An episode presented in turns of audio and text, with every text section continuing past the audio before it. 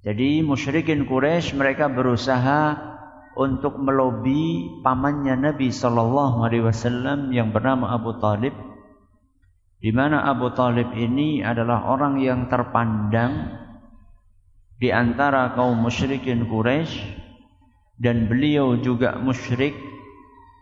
Akan tetapi pamannya ini berusaha untuk membela Nabi kita Muhammad sallallahu alaihi wasallam sehingga orang-orang musyrikin Quraisy pun tidak bebas untuk menghalangi dakwahnya Nabi kita Muhammad SAW karena dilindungi oleh seorang yang terpandang yaitu Abu Talib paman beliau. Maka cara yang mereka lakukan pertama kali adalah berusaha untuk mendatangi pamannya, membujuk pamannya ini supaya dia mau membujuk keponaannya agar menghentikan berdakwah. Ada hasilnya? Hasilnya ada nggak? Ada? Nggak ada. Walaupun sudah dibujuk oleh mamanya, ternyata Nabi kita Muhammad sallallahu alaihi wasallam tetap berdakwah dan semakin kencang laju dakwahnya. Melihat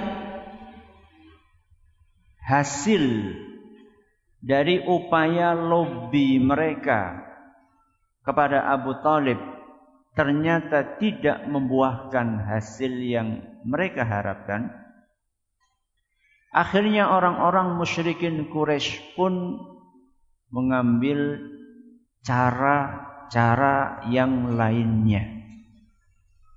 Inilah yang akan kita bahas pada pertemuan hari ini dan esok hari atau di pertemuan yang akan datang insya Allah. Bagaimana metode orang-orang kafir Quraisy di dalam menghalangi laju dakwahnya Nabi kita Muhammad sallallahu alaihi wasallam apa yang dilakukan oleh musyrikin Quraisy untuk menghalangi dakwah Nabi kita sallallahu alaihi wasallam dan tersebarnya Islam. Banyak tentunya metode yang mereka pakai.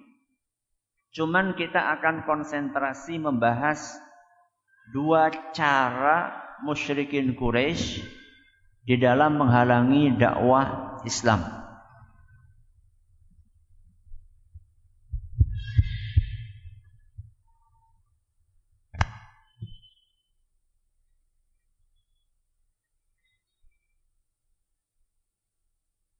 Kita akan bahas berapa cara? Dua. Cara yang pertama yang dipakai oleh musyrikin Quraisy adalah metode cemoohan. Metode apa? Cemoohan. Alias menghina Nabi kita Muhammad sallallahu alaihi wasallam.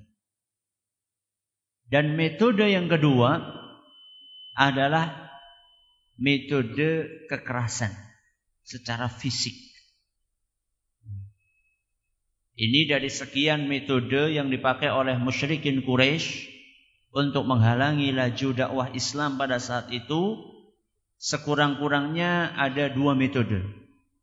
Yang pertama adalah metode apa tadi? Cemoohan. Dan yang kedua adalah metode kekerasan fisik. Dan pada pertemuan kali ini kita akan membahas metode yang pertama yang dititi oleh musyrikin Quraisy. Insya Allah pada pertemuan yang akan datang kita akan membahas metode yang kedua. Berikut pelajaran yang akan bisa kita petik dari kejadian tersebut. Yang pertama adalah metode cemoohan. Apa tujuan dari menggunakan metode tersebut. Ketika musyrikin Quraisy memilih untuk mengambil metode ini, cemoohan, hinaan, perendahan, itu mereka membidik ingin menjatuhkan kondisi psikologis Nabi kita Muhammad SAW dan juga para sahabatnya. Jadi mereka itu ingin menjatuhkan mental Nabi kita Muhammad sallallahu alaihi wasallam dan juga para sahabatnya. Supaya apa? Supaya mereka berhenti. Dan kalau kita saksikan yang namanya metode cemoohan dan juga metode penghinaan itu ternyata cukup manjur untuk menyetop seseorang dari keyakinannya. Kalau tidak percaya, tidak sedikit di antara orang-orang yang sudah berpenampilan nyunnah, dia tinggalkan penampilan itu karena apa? Karena apa? Karena cemoohan. Bukan karena digebuki, bukan karena dipenjara, bukan karena diacam SMS pembunuhan, bukan. Tapi karena cemoohan. Gak kuat mendengar cemoohan. Sudah berpenampilan nyunnah, tahu-tahu ada yang mengatakan, eh, banjiri dua temen. Besoknya, udahlah saya gak kuat kalau seperti ini. Atau suatu saat ada yang mengatakan, lagi jalan, tahu-tahu ada suara be. Akhirnya besoknya, wah saya gak kuat kalau seperti ini. Ya. Atau ada yang lainnya ya, merubah penampilannya karena tahu-tahu datang dituduh teroris. Ya. Dan seterusnya. Padahal dia nggak dipukuli juga enggak. Ya, dijewer juga enggak. Ditaboi juga enggak. Tapi karena enggak kuat untuk mendengarkan cemoohan, akhirnya dia tinggalkan apa yang sudah diyakini sebelumnya. Makanya musyrikin Quraisy mereka ingin Nabi kita Shallallahu Alaihi Wasallam menghentikan dakwahnya dengan cara itu, melontarkan cemoohan, hinaan kepada Nabi kita Muhammad Shallallahu Alaihi Wasallam. Dan di, dan mereka sangat kreatif dalam tanda kutip untuk nyari cara mencemooh Nabi SAW. Di antara cemoohan itu ada yang direkam dalam Al-Quran. Yaitu ketika mereka mengatakan bahwa Nabi kita Sallallahu Alaihi Wasallam adalah orang gila. Orang apa? Gila. Dan itu Allah rekam dalam Al-Quran di surat Al-Hijr ayat 6. Dalam surat Al-Hijr ayat 6 Allah Azza wa Jalla berfirman qalu dan orang-orang musyrikin Quraisy mereka berkata, Ya ayyuhalladzi nuzzila alaihi dzikru innaka lamajnun. Wahai orang yang diturunkan padamu Al-Qur'an, kamu ini orang gila. Jadi bisa panjenengan bayangkan ya, orang lagi ngisi pengajian, Ujuk-ujuk ada jamaahnya yang berdiri kemudian mengatakan, "Eh, apa?" Kalau sekarang bahasanya ya, "Eh, sinting." Nauzubillah min dzalik. Apalagi? Gila, terus apa? Stres. Ya wong stres ke. Kira-kira kalau kita digitukan kuat enggak? Kuat enggak? Tidak kuat saya pikir. Banyak di antara kita pasti tidak kuat untuk menghadapi ujian seperti itu. Akan tetapi Nabi kita Muhammad sallallahu alaihi wasallam beliau tetap melanjutkan dakwahnya walaupun mendapatkan cacian seperti itu. Dikatakan gila, dikatakan sinting, dikatakan stres, dikatakan tidak waras. Ya. Dan itu naudzubillah min dzalik di zaman kita pun ada orang-orang yang pakai seperti itu. Ada orang rajin ke masjid malah dikatakan apa? Nah, dikatakan kayak wong anu lagi stres kayak mau masjid. Dan terus wong sing pada teler nang pinggir jalan ora stres kayak. Kok malah justru yang dianggap stres itu orang yang rajin ke masjid. Kayak wong aneh-aneh temen. Adzan dewek, komat dewek, ngimami dewek, makmum dewek. Stres kayak wong. Astagfirullahaladzim. Dan itu ada di masyarakat kita. Image seperti itu ada di masyarakat kita. Ada seorang wanita menutup auratnya rapat-rapat. Macam-macam lah katanya. Kayak anu kayak. Bulan ditutupi terus. Nauzubillahi min Jadi celaan-celaan seperti itu yang membuat ya nenek moyangnya adalah orang-orang musyrikin Quraisy. Ini celaan yang pertama. Celaan yang lainnya adalah ketika mereka menuduh Nabi kita Shallallahu Alaihi Wasallam sebagai tukang sihir, dukun, ya, sebagai tukang sihir. Dan itu Allah sebutkan dalam Al-Quran surat Al-Qamar. Surat apa? Al-Qamar ayat 1 sampai 2. Dalam surat Al-Qamar ayat 1 sampai 2 Allah Azza wa Jalla berfirman iqtarabatis sa'atu wan syaqqal qamar Hari kiamat sudah dekat dan bulan terbelah menjadi dua. Ini salah satu mukjizat yang Allah berikan kepada Nabi kita Muhammad wasallam agar orang-orang musyrikin percaya dengan kebenaran wahyu yang dibawa oleh Nabi kita Muhammad SAW.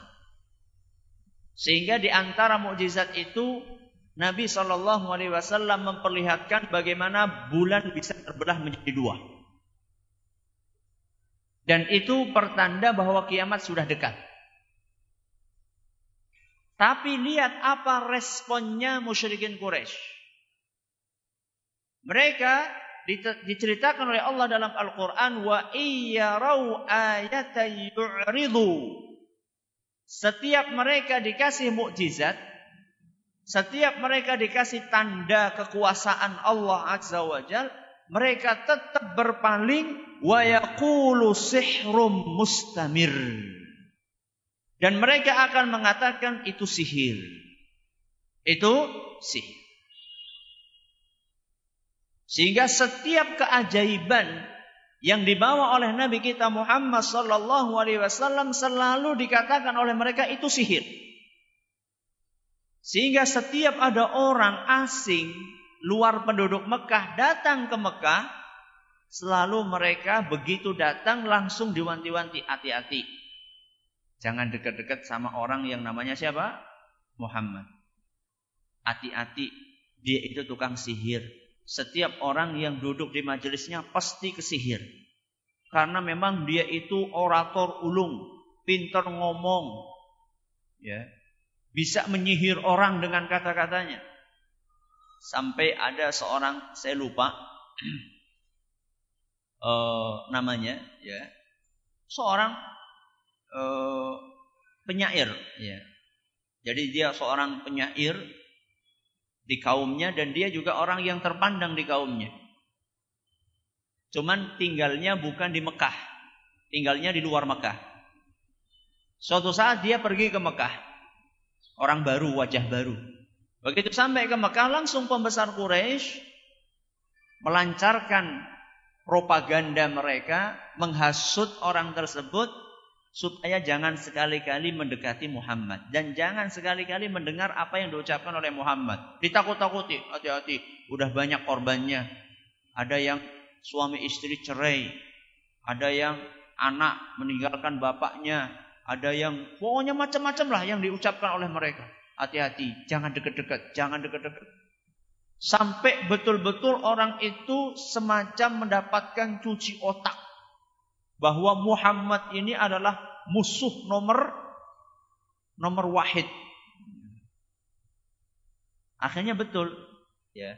Saat itu dia pengen tawaf di sekeliling Ka'bah dan ketika tawaf di sekeliling Ka'bah dia melihat ada orang ya yang ciri-cirinya seperti apa yang disebutkan oleh musyrikin Quraisy. Maka di dalam hatinya ah benar nih, ini dia orangnya ini Muhammad. Saya nggak mau mendengarkan kata-kata dia. Langsung dia sumpel telinganya dengan ya apalah namanya kapas atau kapuk yang penting disumpel supaya nggak dengar sedikit.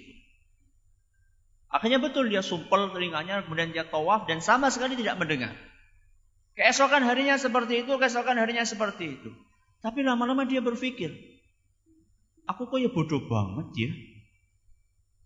Saya kok kayak orang dungu. Diomong seperti itu kok ya percaya. Saya kan bisa bedakan mana yang benar, mana yang salah. Saya kan orang yang pinter, saya kan intelek.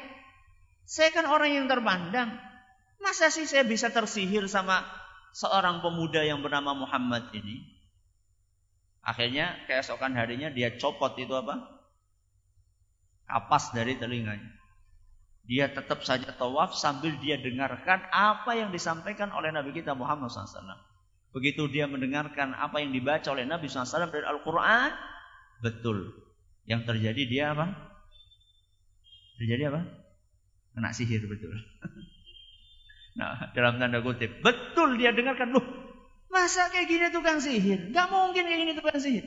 Ini perkataannya bagus. Ini perkataannya baik. Akhirnya mendekati Nabi kita Muhammad SAW. Kemudian dia bertanya kepada Rasul SAW. Setelah itu dia setelah mendengarkan dan dia yakin bahwa itu benar, dia kembali meninggalkan Nabi kita Muhammad SAW menuju ke orang-orang Quraisy. Dan saat itu orang-orang Quraisy mereka mengatakan nih, ini udah kena ini, wajahnya udah beda ini. Ya, ketika dia pergi meninggalkan kami belum seperti ini. Begitu dia meninggalkan Muhammad datang ke kami, wajahnya berubah ini. Padahal itu wajah orang dapat hidayah. Tapi menurut mereka ini wajah orang kena sihir.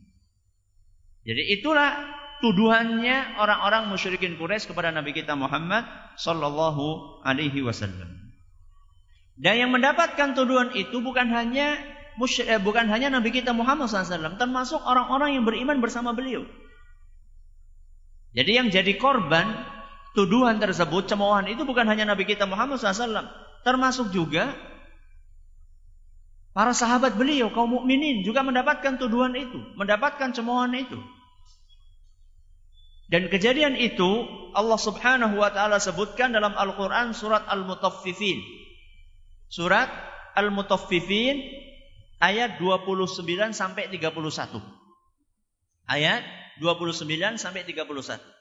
Dalam surat Al-Mutaffifin ayat 29 sampai 31 Allah Azza wa Jalla berfirman, "Innal ladzina ajramu kanu minal ladzina amanu" Apa kelanjutannya? Yadhakun. Innal ladzina ajramu. Sesungguhnya orang-orang yang jahat kanu minal ladzina amanu yadhakun. Mereka adalah orang yang suka mentertawakan orang-orang yang beriman. Jadi kalau ada yang lihat orang beriman, mereka ketawa, tapi ketawanya ketawa menghina. Senyumnya senyum apa? Sinis. Wah ini kampungan, ini deso, ini orang terbelakang. Ya. Kanu minal ladzina amanu yathakun. Mereka itu mentertawakan orang-orang yang beriman. Wa idza marru bihim yataghamazun. Seandainya orang-orang yang beriman itu lewat di hadapan mereka, maka mereka saling mengedip-ngedipkan matanya. Maksudnya apa? Menghina lagi. Krisik-krisik. Ada teroris lewat. Ya. Dan itu kadang-kadang sampai orang awam pun juga seperti itu. Pengamen kadang-kadang. Sebagian, nggak semuanya. Kalau ada akhwat pakai cadar, ya lagunya langsung berubah itu. Jadi apa ninja hatori apa apa itu. Ya. dulu ketika saya masih kuliah itu ingat itu. Uh, kuliah di Madinah ketika liburan sama kakak lagi jalan belanja gitu. Betul itu ketika lewat uh, saya saya tuh belum belum ngeh gitu. Belum paham lagu Ninja Hatori gitu. Terus lewat gitu. Kemudian Tahu-tahu lagunya berubah. Setelah itu saya naik angkot sama kakak. Kemudian kakak itu bisik-bisik. Tahu nggak tadi dek itu nyanyiannya apa? Enggak paham aku. Itu loh tadi itu bicara tentang Ninja Hattori tadi. Ini lagi mengejek, ya. lagi menghina, mencemooh. Wa idza marru bihim yataghamazun. Ketika ada orang-orang yang beriman, mereka berusaha untuk berkedip-kedip mata mengejek orang tersebut. Kemudian kelanjutannya kata Allah Subhanahu wa taala, "Wa idzan qalabu ila ahlihim qalabu fakihi." Ketika mereka pulang ke rumahnya, mereka pulang sambil tertawa-tawa.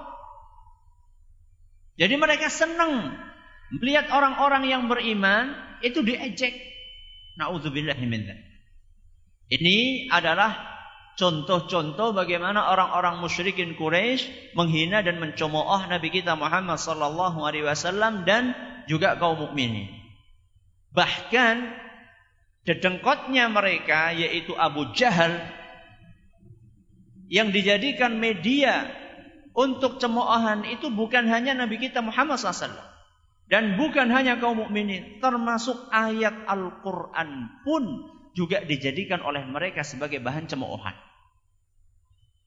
Diceritakan dalam sirah Ibnu Hisham, "Lamma dzakara Allah 'azza wa jalla syajarata qum takhwifan biha lahum." Ketika turut ketika turun ayat Al-Qur'an yang menyebutkan di dalamnya pohon zakum. Pohon zakum itu pohon yang tumbuh di mana? Tumbuh di di neraka.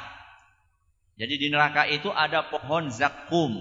Allah turunkan ayat yang bercerita tentang pohon zakum ini untuk menakut-nakuti orang musyrikin Quraisy. Maka ketika turun ayat tersebut, kala Abu Jahal dia berkata, "Ya ma'syara Quraisy, hal tadruna ma syajaratu zaqqum allati yukhawwifukum biha Muhammad?" Wahai orang-orang musyrikin Quraisy, wahai orang-orang Quraisy, tahukah kalian apa itu pohon zakum yang dengannya Muhammad ingin menakut-nakuti kalian? Maka saat itu orang-orang musyrikin Quraisy mengatakan, "La." Kami nggak paham apa itu pohon zakum. Maka Abu Jahal ngarang. Apa kata dia? Qala ajwatu yathrib bizzabit. Zakum itu adalah korma yang dipoles dengan mentega katanya. Ini kurang ajarnya siapa? Abu Jahal. Pengen tahu pohon zakum? Pohon zakum itu kurma, ya, dipoles, dibungkus dengan mentega. Enak orang? Kira-kira. Kemudian dia mengatakan, Wallahi la in istamkanna minha lanatazaqqamnaha tazakkuma. Demi Allah kata Abu Jahal. Kalau kita dapat kesempatan untuk ketemu dengan buah zakum, kita akan makan sebanyak-banyaknya buah tersebut. Na'udzubillah min dzalik. Ini mengejek apa? Mengejek ayat Al-Qur'an.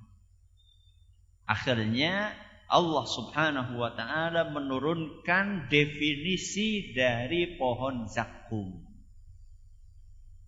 Dan itu Allah turunkan dalam salah satu ayat Al-Qur'an di mana Allah Azza wa Jalla berfirman, "Inna syajarataz zakum" Sesungguhnya pohon zakum ta'amul athim. Makanan favoritnya orang-orang yang banyak melakukan perbuatan dosa. Kalmuhli yagli fil butun. Kalau buah pohon itu dimakan, maka dia akan mendidih di dalam perut. Kaghalyil hamim seperti mendidihnya besi atau perunggu atau kuningan yang sedang dipanaskan di atas api yang sangat panas maka seperti itulah kejadiannya ketika pohon zakum itu dimakan dan dimasukkan ke dalam perut. Kira-kira kalau Abu Jahal dengar ayat ini kelanjutannya dia akan ngomong kayak tadi enggak? Coba kalau kita ketemu sama zakum ini kita makan sebanyak-banyaknya, kira-kira akan seperti itu lagi enggak? Begitulah bagaimana Abu Jahal dan para kroni-kroninya dan para teman-temannya menjadikan ayat-ayat Al-Quran sebagai sarana mereka untuk menghina dan mencemooh Nabi kita Muhammad sallallahu alaihi wasallam. Dan naudzubillah min di zaman kita pun kita dapatkan tidak sedikit orang yang seperti itu.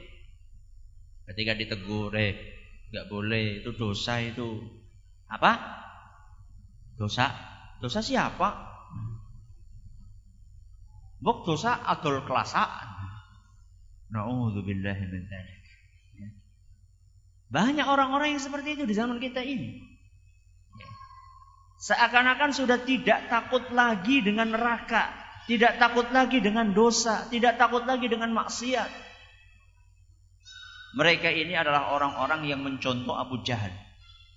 Abu Jahal Bukan hanya ayat Al-Quran yang dia hina. Sampai Allah pun dia tantang. Disebutkan dalam sebuah uh, hadis yang diriwayatkan oleh Imam Bukhari. Ya, disebutkan dalam sebuah hadis yang diriwayatkan oleh Imam Bukhari bahwa Abu Jahal suatu saat dia berkata, Allahumma in kana hadha huwal haqqu min indik. Ya Allah, kalau memang yang dibawa oleh Muhammad ini benar-benar darimu, bahwa yang dibawa oleh Muhammad itu adalah al-haq, adalah kebenaran, fa'amtir alaina hijatan minas sama. Maka ya Allah, hujanilah kami dengan batu dari langit. Kemudian kata dia, awitina bi'adzabin alim. Atau timpakan kepada kami azab yang paling pedih. Nantang dia. Jadi kalau memang ya Allah, kalau memang yang dibawa oleh Muhammad ini benar, sudah kami siap untuk menerima azab. Dan ternyata gaya-gaya seperti ini juga sebagian orang di zaman ini ngomong seperti ini. Dan saya mendapatkan cerita dari saksi mata dan saksi telinga. Karena dia dengar dan dia lihat. Di suatu masjid di waktu subuh. Ada seorang ustadz memberikan ceramah tentang azab Allah Azza wa Jalla. Bagaimana Allah Subhanahu wa taala akan menurunkan azab ketika para manusia tidak taat kepadanya. Dan yang akan mendapatkan azab itu bukan hanya orang yang melakukannya, termasuk orang yang tidak melakukannya tapi diam saja dan tidak mengingkari perbuatan dosa itu. Kemudian ustadznya itu mengangkat suaranya. Kalau seandainya Allah subhanahu wa ta'ala menimpakan azab. Siapa di antara kita yang siap untuk menerima dan merasakan azab tersebut? Bertanya ustadznya kepada jamaah pengajian. Siapa di antara kita yang siap untuk menerima azab tersebut? Ya tentunya kan nggak ada yang angkat tangan kan. Kalau saya tanya gitu ada nggak yang angkat tangan? Nggak ada kan. Tapi ternyata subhanallah ada yang angkat tangan. Siapa? Kebetulan depan masjid ada lapangan. Di lapangan itu ada anak-anak muda yang lagi teler Semalaman mereka minum-minum sampai subuh belum pulang. Mereka dengar pertanyaannya Ustaz tadi. Siapa di antara kita yang berani untuk menerima azab Allah ketika Allah Subhanahu wa taala menurunkan azabnya? Anak-anak muda itu mendengarkan pertanyaan, "Siapa?" Langsung semuanya berdiri. Nyong. Dan ini dilihat, didengar oleh seorang yang cerita kepada saya bahwa dia melihat dengan mata kepalanya sendiri anak-anak muda itu mengatakan seperti itu. Panjenengan pikir yang berani ngomong kayak gitu cuma Abu Jahal. Ada. Tapi nggak tahu mereka sadar nggak ngomongnya itu. Ya, naudzubillahi min Baik. Sekarang timbul pertanyaan. Timbul pertanyaan. Allah Subhanahu wa taala menurunkan hujan batu kepada Abu Jahal enggak? Nah, menurunkan enggak? Enggak kan? Enggak. Padahal sudah ditantang sama Abu Jahal. Gimana coba? Gimana coba? Kan ada sebagian orang seperti itu. Ada sebagian orang seperti itu. Sebagian orang mengatakan, di jadi anak siksa, jeneng nong kampung kene, orang pada sholat nganti sprene, panen dia tetap akeh. Mana buktinya? Katanya kalau misalnya kita ini tidak sedekah, maka rezeki kita akan habis. Mana buktinya?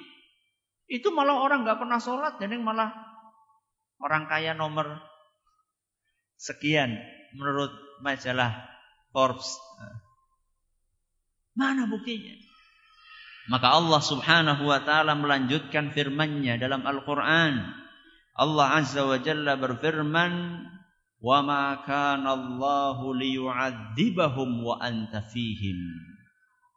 Allah sekali-kali tidak akan menyiksa mereka selama engkau wahai Muhammad masih ada di antara mereka. Itu sebabnya. Jadi kenapa Nabi kita Muhammad sallallahu eh, kenapa Allah Azza wa Jal tidak menurunkan hujan batu? Karena Nabi kita Muhammad SAW masih berada di antara mereka. Wa.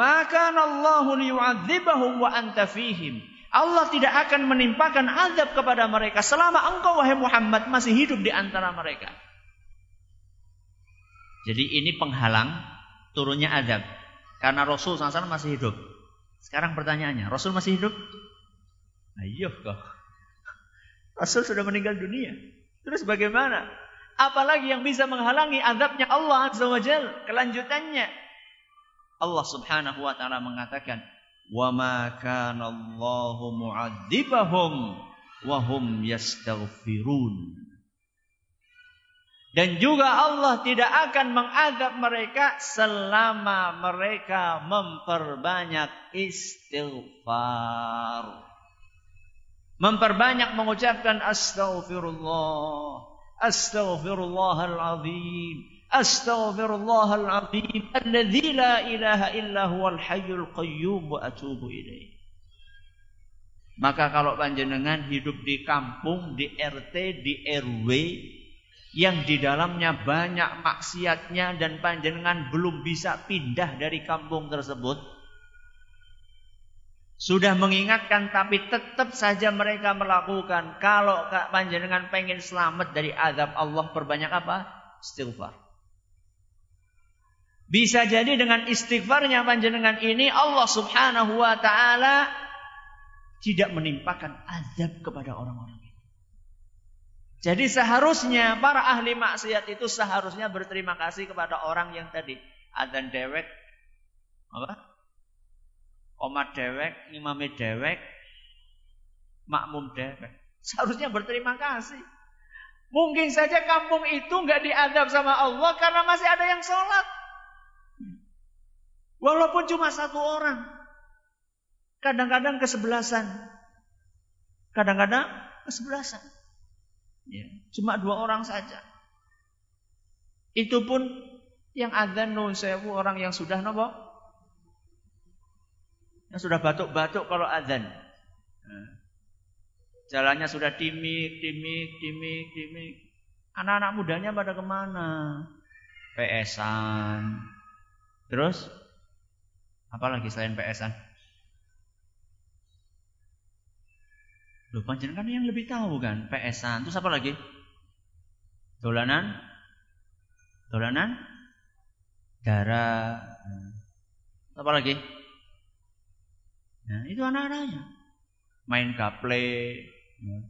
Nauzubillahi min Maka ini di antara bentuk celaan yang dilakukan oleh Abu Jahal dan teman-temannya.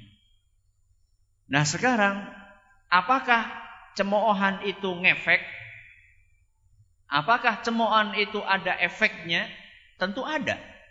Ya. Nabi kita Muhammad SAW seorang manusia. Dan beliau juga merasa sakit dengan cemoohan itu. Siapa bilang Nabi kita SAW tidak tersakiti hatinya? Aisyah radhiyallahu anha pernah bertanya kepada Nabi kita Muhammad sallallahu alaihi wasallam, "Ya Rasulullah, Hal ata alika yaumun kana ashad min yaumi Uhud? Wahai Rasul, apakah engkau pernah mengalami suatu kejadian yang lebih menyakitkan dari kekalahan kaum muslimin di perang Uhud? Ini pertanyaan spesifik dari Aisyah radhiyallahu anha. Dari seorang yang sangat cerdas Ummul Mukminin, wahai Rasul, ada nggak kejadian yang lebih menyakitkan dibandingkan kejadian di perang Uhud? Apa kejadian di perang Uhud? Paman beliau yang sangat beliau cintai meninggal dunia. Siapa itu? Hamzah. Hamzah bin siapa? Bin pamannya Nabi SAW. Hamzah bin Abdul Muttalib. Hanya beliau yang meninggal? Oh enggak. Ada 70 sahabat Nabi SAW yang meninggal. Hanya itu Nabi SAW selamat? Enggak. Nabi SAW sampai berdarah-darah. Ya. Sampai topi besi beliau pecah karena dilempar batu besar dan sebagian besinya itu menancap di pipi beliau sallallahu alaihi wasallam. Gigi beliau juga ada sebagian yang rontok Ditanya sama Aisyah radhiyallahu anha, wahai Rasul, ada enggak kejadian yang lebih menyakitkan dibandingkan kejadian di perang Uhud? Maka Nabi kita sallallahu alaihi wasallam mengatakan, "Iya wahai Aisyah. Yang lebih menyakitkan dari perang Uhud adalah ketika aku berusaha mendakwahi kaummu. Saya mengajak mereka kepada kebaikan, akan tetapi justru mereka mencemoohku. Lihat. Menurut Nabi, cemoohan itu lebih berat dibandingkan siksaan secara fisik. Bahkan kehilangan orang yang sangat beliau cintai, Hamzah ibnu Abdul Muttalib. Nabi SAW melanjutkan ceritanya, Fantolaktu wa ana mahmum.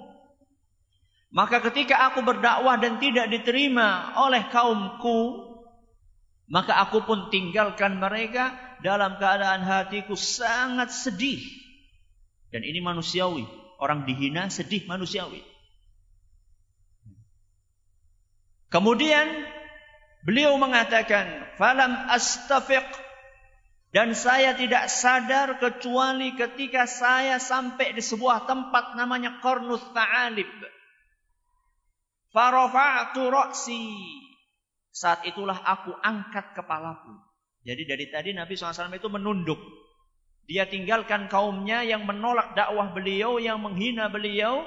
Nabi SAW tinggalkan kaumnya dalam keadaan beliau sedih, nunduk sampai datang ke suatu tempat, ke suatu tempat baru beliau sadar. Ketika sadar kok dia merasa ada sesuatu di atas sana. Farafa'tu ra'si, maka aku pun mengangkat kepalaku ke atas. Fa idza ana bi sahabatin qad adallatni. Ketika saya angkat kepala saya ke atas, saya lihat ke arah langit, saya baru sadar ternyata di atas kepalaku ini ada awan yang menaungiku. Fanadhartu fa idza fiha Jibril. Maka saya pun lihat dengan seksama ternyata di atas awan itu ada malaikat Jibril. Fanadani. Maka malaikat Jibril itu pun memanggilku. Fakal dia berkata, Inna Allah qad sami'a qawla qawmika wa ma raddu alaik. Wahai Muhammad, aku dikirim oleh Allah Subhanahu wa taala datang ke sini untuk memberitahu engkau bahwa Allah Subhanahu wa taala telah mendengar ucapan kaummu dan respon mereka ketika engkau ajak mereka untuk memeluk agama Islam. Waqad ba'atha ilaika malakal jibal lita'murahu bima syi'ta fihim. Dan Allah Subhanahu wa taala sudah mengutus malaikat gunung. Malaikat yang tugasnya ngurusi gunung. Bukan kisapu jagat, bukan. Jadi ada malaikat khusus yang memang ngurusi gunung. Segala sesuatu yang urusannya dengan gunung ditugaskan kepada malakul jibal, malaikat gunung.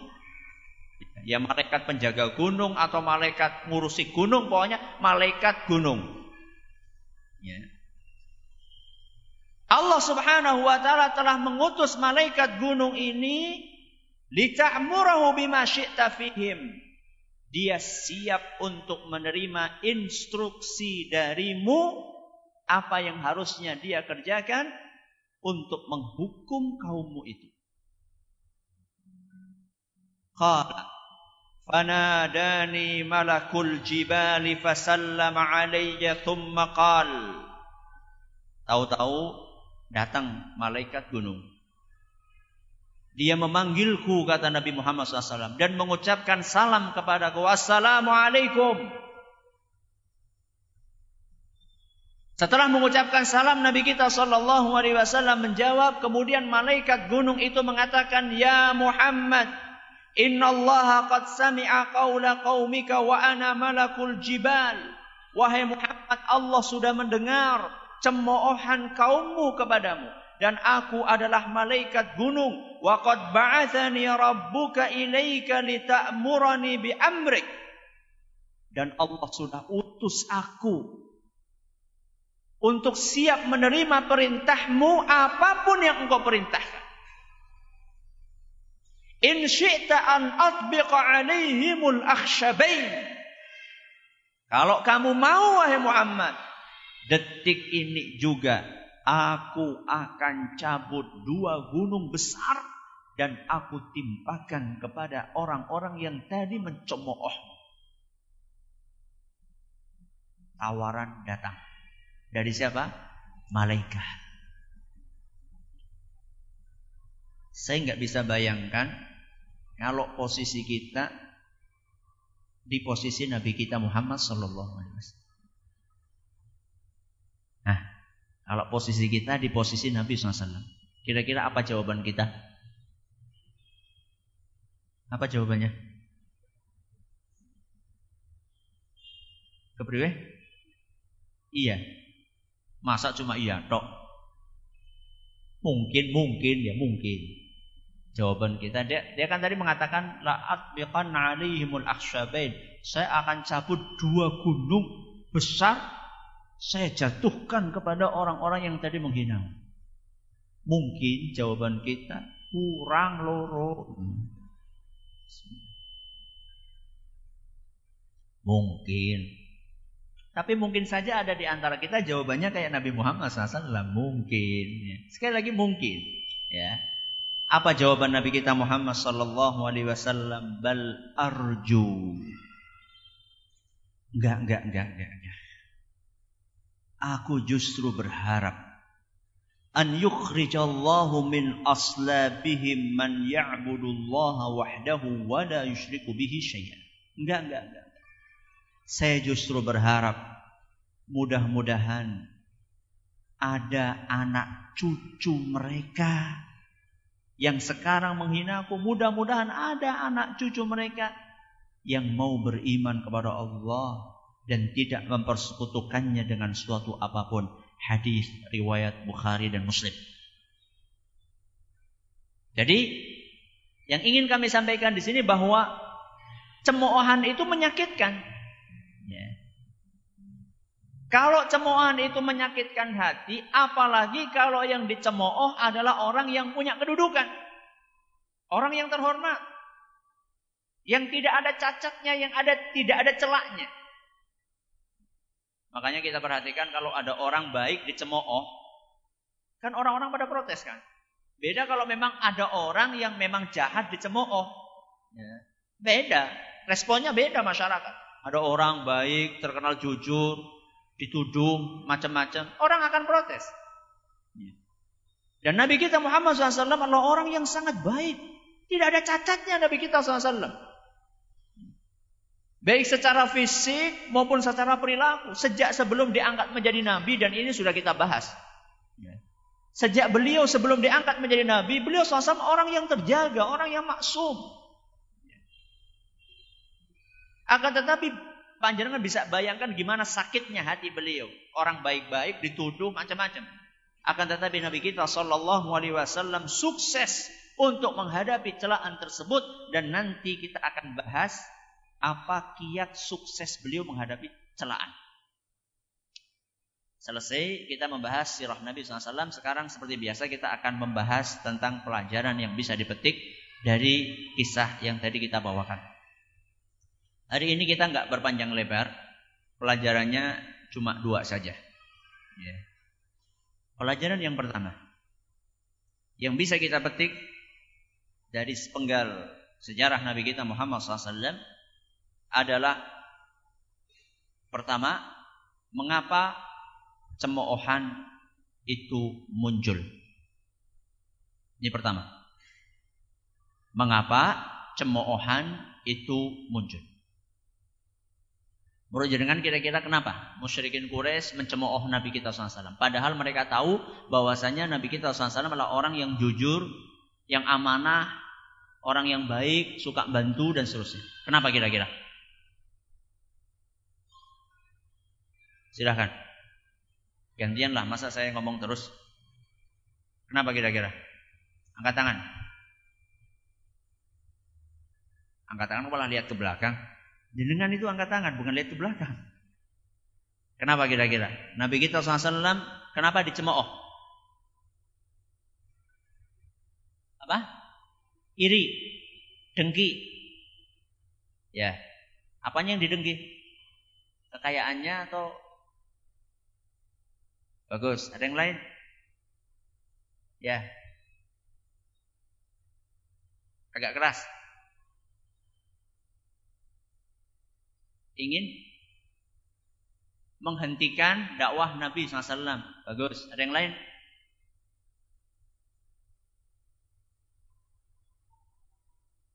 Karena mendakwahkan tauhid. Ya, ada yang lain? Cukup tiga saja? Oh ya, silakan.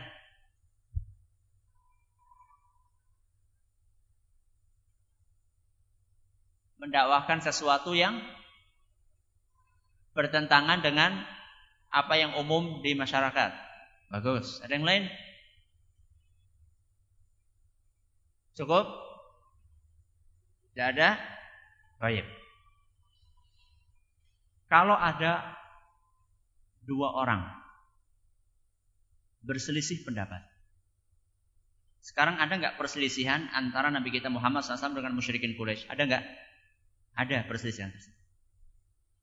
Kalau ada dua kubu berselisih, berbeda pendapat, berbeda keyakinan. Tentunya kan masing-masing akan berusaha untuk mengemukakan argumen. Argumen untuk menguatkan apa yang dia yakini. Saling adu argumen. Untuk menunjukkan bahwa keyakinan pula yang paling benar. Nah sekarang ketika ada adu argumen tersebut, kira-kira kalau ada salah satu di antara dua kubu itu yang terdesak, yang terdesak karena kalah adu argumen dan dia merasa bahwa lawannya ini argumennya lebih kuat dan dia ini argumennya lemah, maka dalam kondisi terdesak seperti itu ada dua pilihan di hadapan dia. Berapa pilihan? Dua pilihan. Pilihan yang pertama, dia akan nyerah dan mengaku salah. Ini pilihan yang pertama. Dan ini dilakukan nggak sama musyrikin Quraisy? Hah? Nggak. Sorry ya, gengsi. Pilihan yang pertama ini biasanya diambil oleh orang-orang yang beriman. Ya ketika diskusi ternyata lawannya lebih kuat argumennya, dia yus nyong nyong nyong aku salah wis. Ya. Ini adalah kalau terdesak, maka langkah yang pertama, pilihan yang pertama dia akan ngaku, ya sudah saya ngaku salah dan saya menyerah. Kamu yang benar. Pilihan yang kedua, ketika orang terdesak karena kesombongannya, dia akan tetap terus melanjutkan perdebatan itu, melanjutkan perselisihan itu. Ketika dia melakukan dan tetap melanjutkan perselisihan itu, maka ada dua cara di hadapan dia untuk melanjutkan perselisihan itu. Cara yang pertama adalah dengan kekuatan, dengan power, dengan paksaan. Manakala punya kekuatan. Kalah kebuki.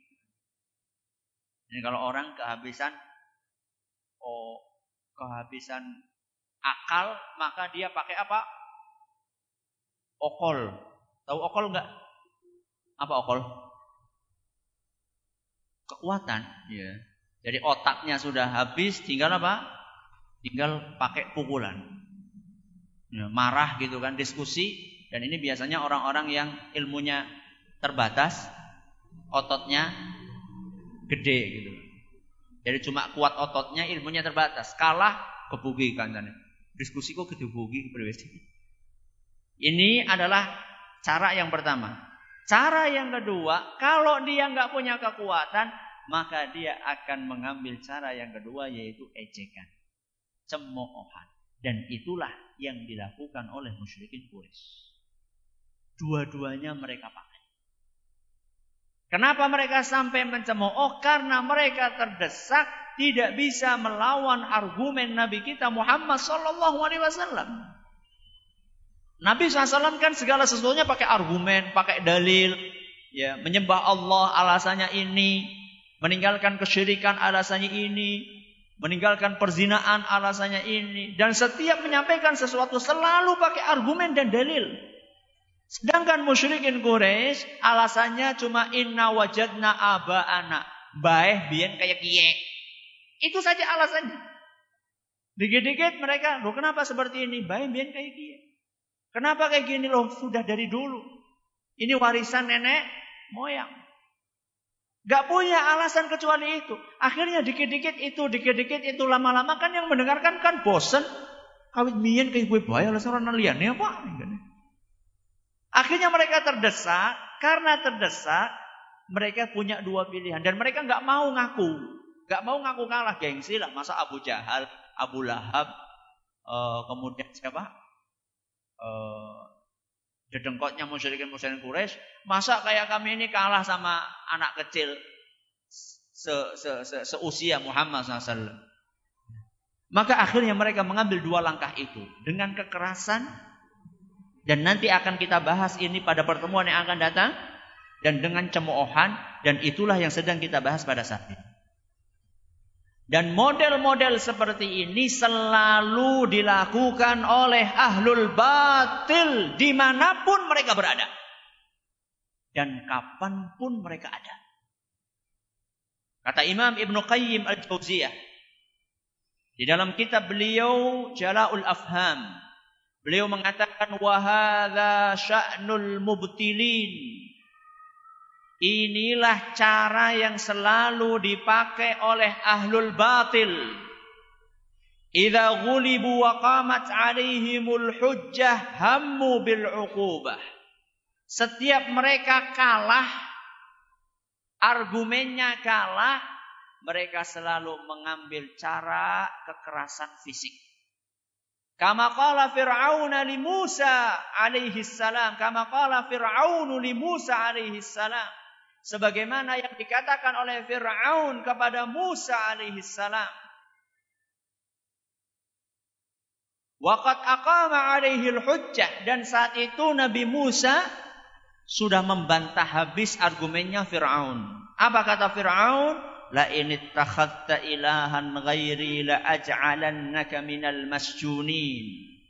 Wahai Musa kalau kamu sampai berani membuat Tuhan lain selain aku niscaya engkau akan aku penjarakan. Lihat. Ketika kalah argumen apa? Penjara. Sudah gak usah banyak ngomong. Masuk sana penjara. Ini dalam Al-Quran surat Ash-Shu'ara ayat 29 ini musuh-musuh Allah. Kalau para rasul enggak. Para rasul selalu syiar mereka qul hatu burhanakum in kuntum shadiqin. Selalu seperti itu. Para rasul itu ketika menghadapi musuh-musuhnya, selalu ayo mana dalilnya? Mana argumennya? Makanya hati-hati. Ya, ketika kita berhadapan dengan orang-orang yang memang mereka tidak punya argumen, kita berusaha jangan terbawa emosi. Kalau kita terbawa emosi, apa bedanya kita sama orang-orang musyrikin Quraisy? Apa bedanya kita sama musuh-musuh para nabi? Dan hampir musuh-musuh para nabi selalu seperti itu. Contoh misalnya kaumnya Nabi Nuh alaihissalam. Ketika mereka kalah adu argumen sama Nabi Nuh, apa yang mereka katakan? Qalu la illam tantahi ya Nuhu latakunanna minal marjumin. Wahai Nuh, kalau kamu nggak menghentikan dakwahmu, tak rajam kamu. Lihat. Apa itu rajam? Rajam itu dilempari dengan batu sampai mati. Itu rajam. Jadi ketika mereka sudah nggak punya argumen, akhirnya dengan kekerasan. Ini dalam Al-Quran surat Ash-Shu'ara ayat 116. Nabi Ibrahim juga seperti itu. Bapaknya, bapaknya Nabi Ibrahim. Siapa nama bapaknya Nabi Ibrahim? Siapa? Azar. Apa profesinya? Tukang pembuat Tuhan mereka. Ya. Tuhan kok digawe? Kan lucu. Ya. Tuhan dibikin. Yang bikin Tuhan siapa? Manusia. Setelah itu, manusia nyembah yang dia bikin. Itu kan ajib itu. Aneh bin ajaib. Ketika dinasehati pelan-pelan, ya abadi, ya abadi, dinasehati dengan cara yang baik. Akhirnya bapaknya ini sudah kehabisan argumen menghadapi anaknya Ibrahim. Apa katanya? Kala araghibun anta an alihati ya Ibrahim. Apakah kamu sudah mulai enggak suka dengan Tuhan-Tuhanku wahai Ibrahim? La illam tantahi la arjumannaka wahjurni maliyah. Kalau kamu nggak berhenti ngomongi aku dalam masalah ini, tak rajam kamu. Sama. Dengan kaumnya siapa tadi? Nabi Nuh alaihissalam. Ya. Wahjurni maliya dan sudah biarkan aku. Gak usah kamu ngomong banyak-banyak sama aku. Ini dalam Al-Quran surat Maryam ayat 46. Nabi Shu'aib juga sama. Kaumnya Nabi Shu'aib juga seperti itu. Qalu ya Shu'aibu. Ma nafqahu kathiran mimma taqul. Wahai Su'aib, kami ini nggak mudeng apa yang kamu sampaikan. Ya. Gak usah banyak ngomong, kami ini nggak paham dengan apa yang kamu sampaikan. Innalanaraka fina dha'ifa. Engkau adalah orang yang lemah di antara kami. Walau la rahtuka la rajamnaka wa ma anta nabi aziz. Kalau bukan karena pertimbangan kamu punya keluarga-keluarga yang terhormat, kami sudah rajam kamu wahai wahai siapa tadi? Wahai Syuaib. Dalam Al-Quran surat Hud ayat 91. Ini adalah kekerasan fisik. Kalau cemoohan, semua nabi dan rasul mendapatkan cemoohan. Semuanya. Ini Allah tegaskan dalam Al-Quran surat Az-Zukhruf ayat 7. Dalam surat Az-Zukhruf ayat 7 Allah Subhanahu wa taala menceritakan wa ma ya'tihim min nabiyyin illa kanu bihi yastahzi'un. Tidak ada suatu nabi pun yang datang untuk mengingatkan kaumnya, melainkan pasti mereka mencemooh nabi tersebut. Semua nabi tanpa terkecuali. Ini pelajaran yang pertama, mengapa muncul cemoohan? Karena apa tadi? Karena kalah adu argumen. Ah, sekarang pelajaran yang kedua yang terakhir, bagaimana kita bisa sukses menghadapi cemoohan. Bagaimana kita bisa sukses menghadapi cemoohan?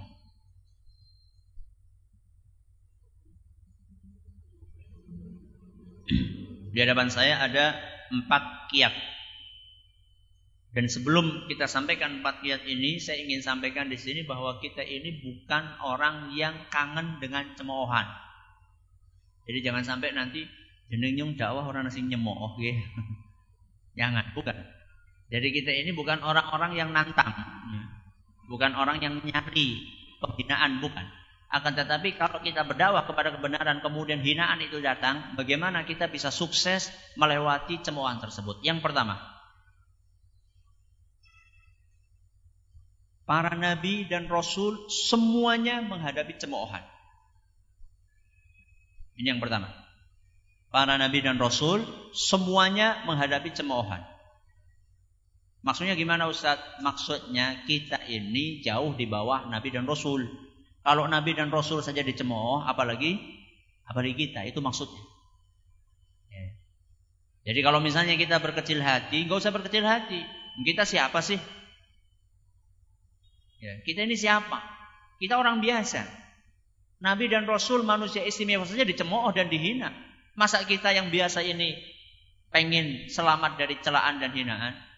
Sampai ada seorang ustadz nulis, gak mungkin kita ini akan selamat dari hinaan di dunia ini.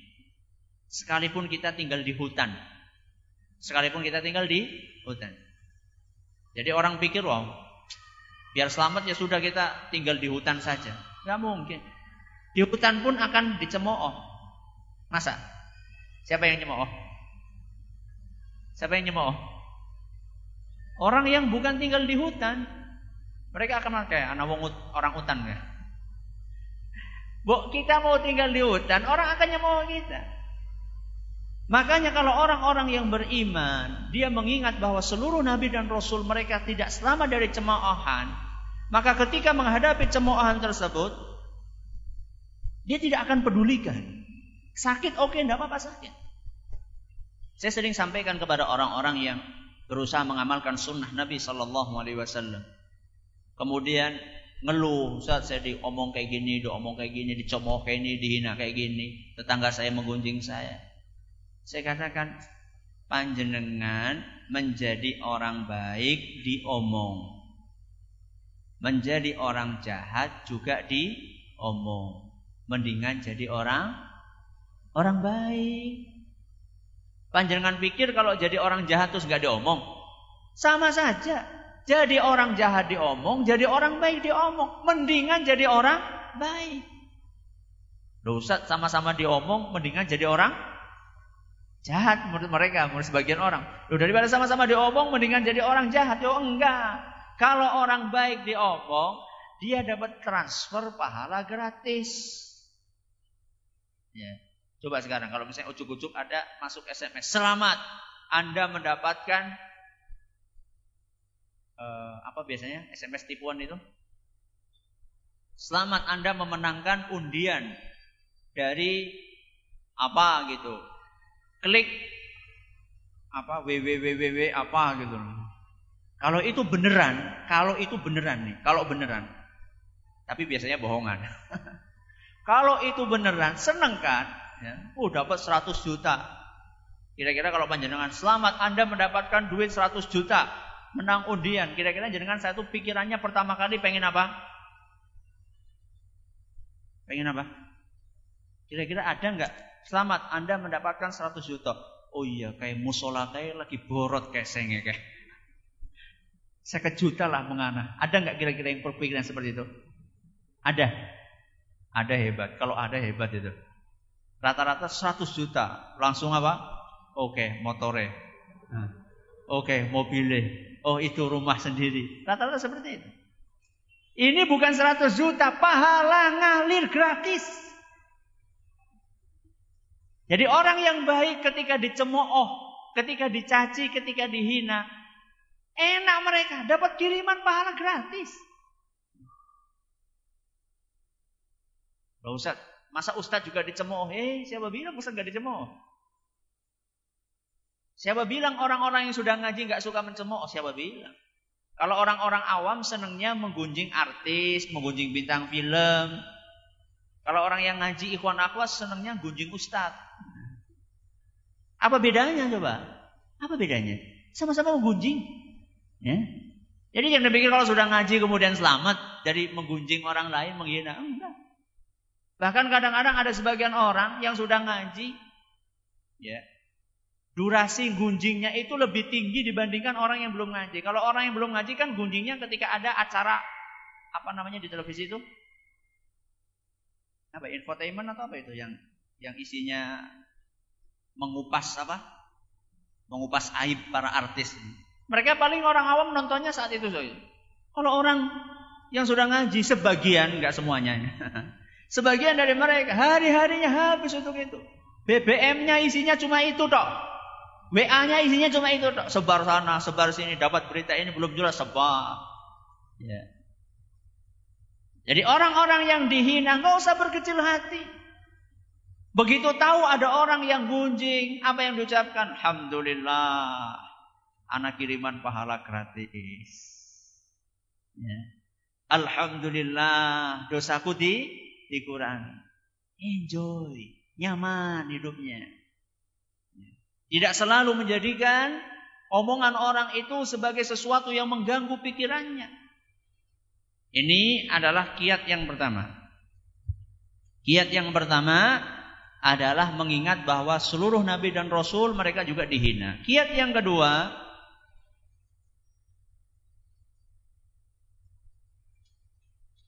gampang ngomongnya tapi sulit mempraktekannya. Apa itu? Sabar. S A B A R. Berapa huruf? Lima. Gampang toh? Gampang ngomongnya. Prakteknya gue sudah sing angel. Sabar.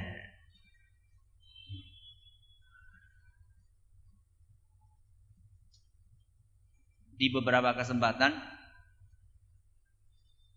ada orang yang masukkan kami ke grup ya. Ke izin ujuk-ujuk dimasukkan ke grup. Tak pikir ini grup apa? Ternyata di situ grup campuran orang di dalamnya.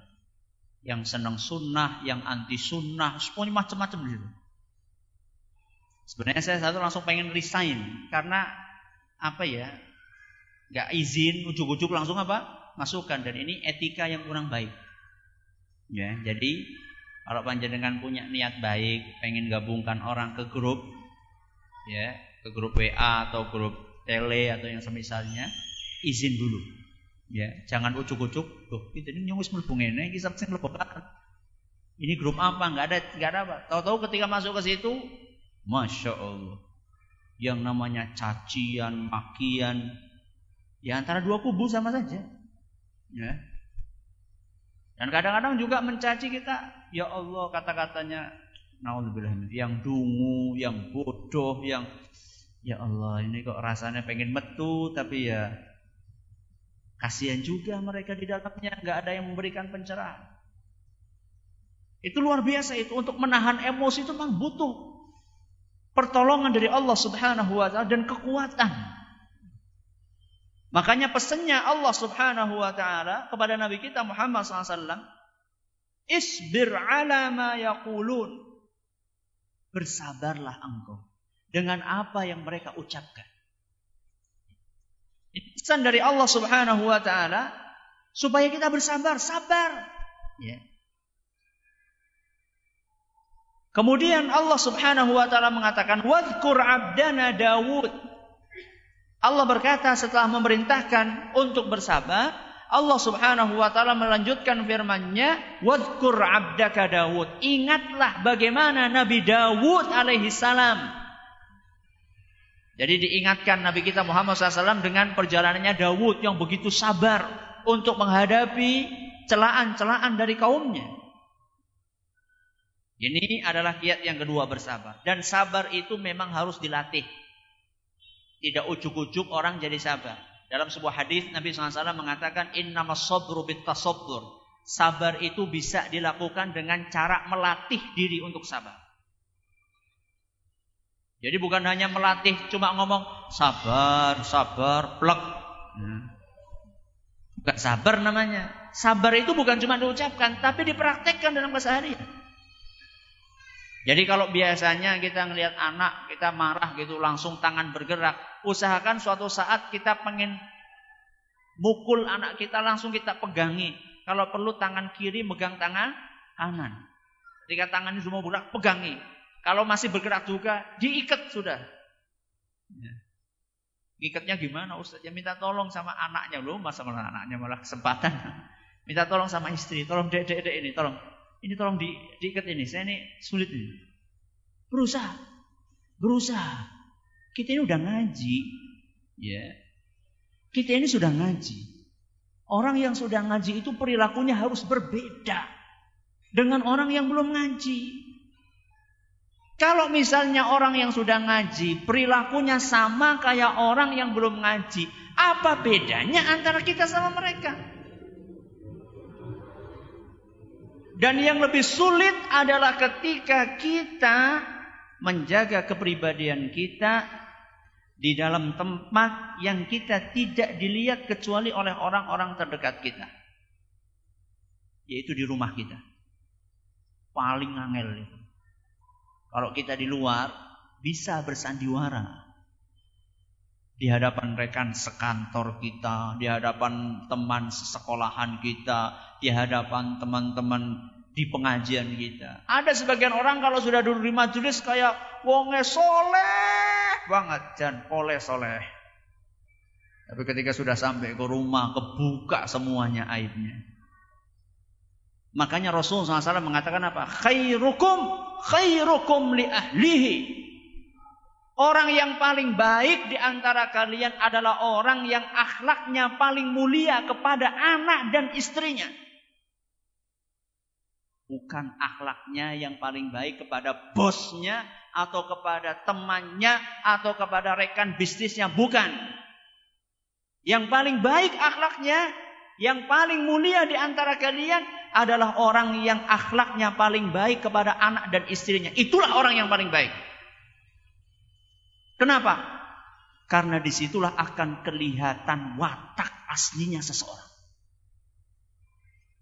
Makanya latihan sabar ya menghadapi anak, menghadapi istri, ya yang mungkin melakukan ini dan itu sabar. Ini adalah yang kedua. Yang ketiga, supaya sukses menghadapi ujian, menghadapi celaan adalah memperbanyak ibadah. Memperbanyak apa? Ibadah. Jadi ketika ada celaan datang, ibadahlah kepada Allah. Dan ini dipraktekkan oleh para ulama kita. Saya lupa namanya. Uh, seorang ulama salaf. Orang terpandang, ulama terpandang. Suatu saat dia keluar rumah. Baru keluar dari rumah tahu-tahu ada orang datang langsung mencaci maki habis. Ulama tersebut. Bayangkan baru keluar rumah disambut dengan apa? Cacian makian. Orang baru mau ingin menghirup udara segar, tahu-tahu mendengar kata-kata yang kasar seperti itu.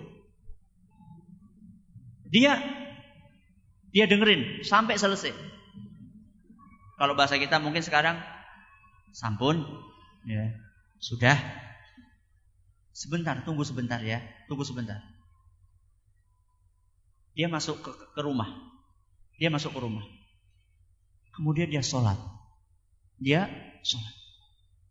Kemudian di dalam sholatnya dia berdoa kepada Allah, Ya Allah, apa sih dosaku? Apa kesalahanku? Kenapa bisa engkau mengirim orang ini untuk mencaci diriku? Apa gerangan dosa yang aku lakukan? Dia sholat, dia menangis, dia mengingat. Kira-kira salahku apa? Dosaku apa yang barusan aku kerjakan? Ketika dia sholat, kemudian dia ingat-ingat. Setelah itu dia duduk, terpekur sebentar. Dia ingat, oh ketemu, oh iya, aku dosaku iki. Ya, saya ketemu, saya barusan melakukan. Kemudian dia keluar, Matur nuwun ya, wis dia mutaken. Terima kasih. Kamu sudah mengingatkan saya bahwa saya sudah melakukan perbuatan dosa yang saya lupa apa itu dosa. Setelah kamu caci maki aku baru aku ingat aku telah melakukan perbuatan. Matur nuwun ya, matur nuwun. Wis kanak matur nuwun. Ada nggak di antara kita yang seperti itu? Ada? Hebat kalau ada. Ini perintah dari Allah Subhanahu wa taala. Di dalam Al-Quran surat Al-Hijr ayat 97 sampai 99. Al-Hijr ayat 97 sampai 99. Allah Subhanahu wa taala berfirman, "Wa laqad na'lamu annaka yadhiqu sadruka bima yaqulun." Sungguh kata Allah, kami tahu persis bahwa hatimu wahai Muhammad terasa sempit ketika engkau mendengar obrolan, omongan, cacian dari orang-orang musyrikin Quraisy. Kami tahu wahai Muhammad kamu itu hatinya sakit. Dan ini menunjukkan bahwasannya wajar ya ketika dihina itu sakit hatinya. Dan Allah tahu Nabi Muhammad hatinya terasa sakit. Terus ah, lihat apa pesannya Allah. Fasabbih bihamdi rabbik. Wahai Muhammad, pesanku kepadamu bertasbihlah. Bertahmidlah. Ucapkanlah subhanallah, alhamdulillah, wa kun minas sajidin. Salatlah engkau wahai Muhammad. Sujudlah engkau. Jadi ketika kita lagi dihina, dicaci, kita itu disuruh memperbanyak ibadah. Memperbanyak zikir, tasbih, tahmid, sujud, sholat. Itu yang diperintahkan. Untuk memburi golet gobet. Ya. Ketemu gobet sebelum esi tiengan lunga kali, dia apa? Diasah nganti landep. Bukan. Dihina sama orang sholat. Dikir, tasbih, tahmid, subhanallah, alhamdulillah, wa la ilaha illallah, wallahu akbar, astaghfirullahal azim, la hawla wa la quwata illa billah. Kelanjutannya Allah Subhanahu wa taala berfirman, "Wa'bud rabbaka hatta ya'tiyakal yaqin." Beribadahlah kepada Allah sampai datangnya ajal. Ini pesannya Allah. Jadi kalau kita menghadapi seperti itu, beribadahlah kepada Allah. Tingkatkan ibadah kita kepada Allah. Perbanyak zikir, perbanyak membaca Al-Quran. Ini adalah yang keberapa? Yang ketiga. Yang terakhir, yang keempat, ia sukses menghadapi cacian dan makian. Anda tidak sendirian. Anda tidak sendirian. Artinya ketika kita dicaci sama orang karena kita menyerukan kebenaran dan kebaikan, ingat kita ini nggak sendirian. Kita ini ditemani sama Allah Azza wa Jalla. Kita ini ditemani sama siapa? Sama Allah Subhanahu wa taala.